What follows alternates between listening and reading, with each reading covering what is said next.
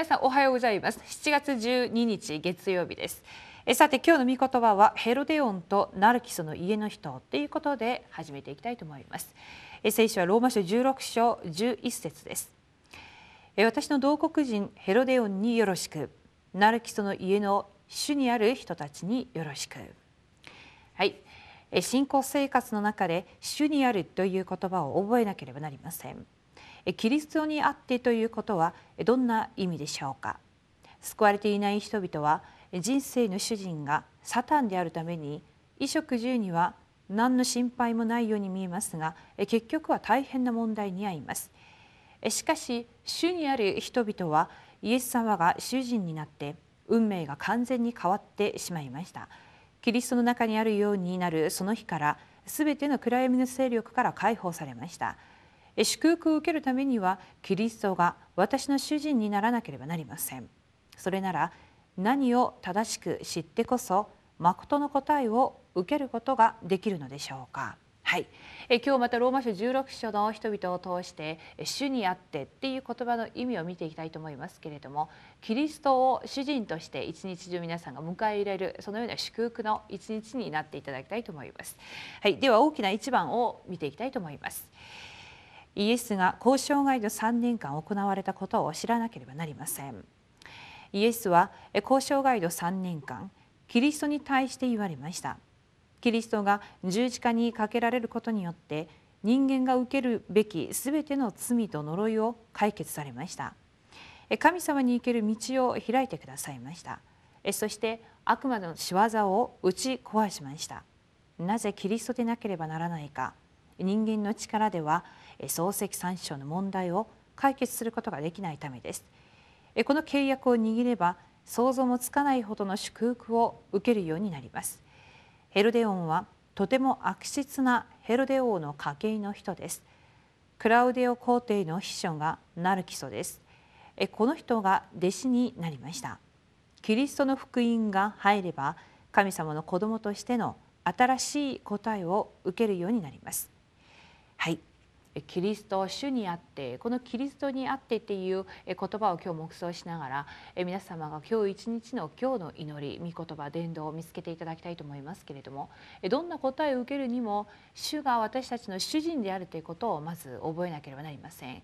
え今またもう間もなく世界レムナント大会そしてリーダー修練会を準備しながら非常に忙しい本部の動きも見えていますけれども、え結局世界のレムナントたちが集まった時にもレムナントが今年新しい始まりっていうそのような答えを受けるために今祈ってまたいろんなことを準備していますけれども結局全ての始まりは私たちがキリストにあって主にあって救われた神の子供であるということとまたキリストを主として新しい本部の動きも見えていますけれども結局世界のレムナントたちが集まった時にもレムナントが今年新しい始まりっていうそのような答えを受けるために今祈ってまたいろんなことを準備していますけれども結局全ての始まりは私たちがキリストにあって主にあって救われた神の子供であるということとまたキリストを主として受け入れてそれをいかにまた味わってそれをいるかっていうことから全てが始まると思います。どんな悪い状況やさまざまな問題があっても今日ヘロデオンの家系の人が主にあるその主にあっての祝福の人になったかのように皆さんもですね今日一日全てをまた新たにスタートする主にあっての答えを受けていただきたいと思います。はい、で大きな2番です。イエスが復活されてくださった御言葉を握らなければなりません。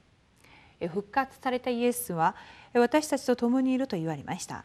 すべての国の人々を弟子にする時全世界に行ってすべての人に福音を述べ伝える時御言葉と精霊によって共におられると約束されました。そしてすべての問題を解決した鍵をくださいました。この鍵を持っていれば神の国が望むようになります。そうすると力が現れます。この契約を握った初代教会は実際に最高の答えを味わいました。はい、マルコの奥蔵の間にいました初代教会の120人の信徒たちはこのイエスがキリストでありそして神の国を待ちながら祈りそして午前節の日にあの使徒の働き2章の大いなる答えを受けました。彼は本当に主にあってその御言葉にあってキリストにあっての契約を握って祈っていました。時代的に非常に大きな迫害の中にあったにもかかわらずあの旧約時代からそして交渉外を通してまた主が働かれたその働きをまことにイエスはキリストであると信じていたと思います。今日主にあって、またよろしくっていうような、挨拶の部分がありますけれども私たちがですね本当に主にあってキリストにあってこの御言葉の中でまことに一緒の働き一章一節と三節と八節の体験をする一日になっていただきたいと思います。はい、では大きな3番です。私たちもこの祝福を味わうことができます。はい、キリストの中にいさえすれば必ず救いの祝福を受けるようになりますが個人だけではなく家庭と家計すべての出会いに至るまで祝福を受けるようになります。キリストの中にいれば神様のすべての祝福を受けるようになります。この祝福を復活された主が約束されて今もその通り成し遂げられておられます。はい、えー、イエス・キリストが、えー生まれまたイエス・キリストが誕生されること。そしてキリストがまた主である神であるということの証明としてまたよみがえられました。そしてよみがえられた後に使徒の働き一章一節から八節の中に誠に主がこれから再臨の主として来られる間に私たちがこの21世紀をどのように生きればよいかという約束を与えてくださったんです。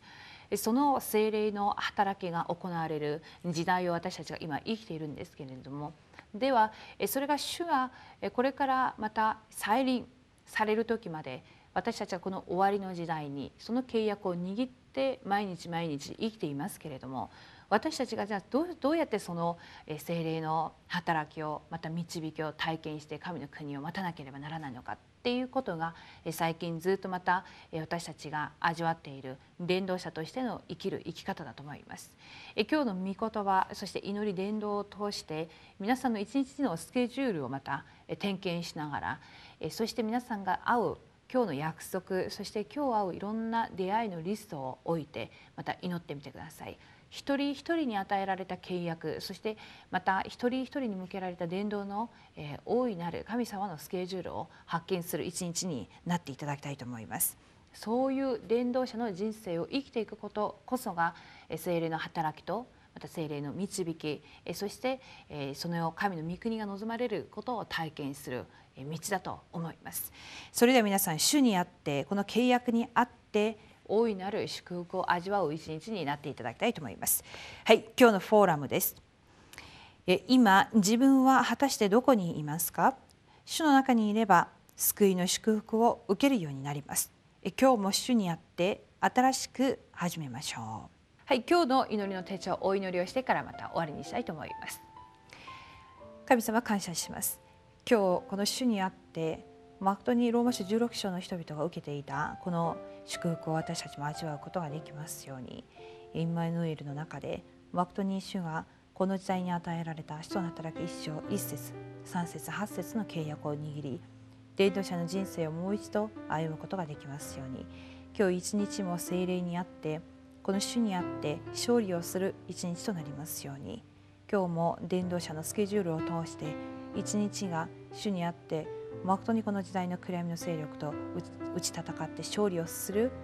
そのような一日になれるように切に願います。すべてを感謝して主イエスキリストの皆によってお祈りします。アーメン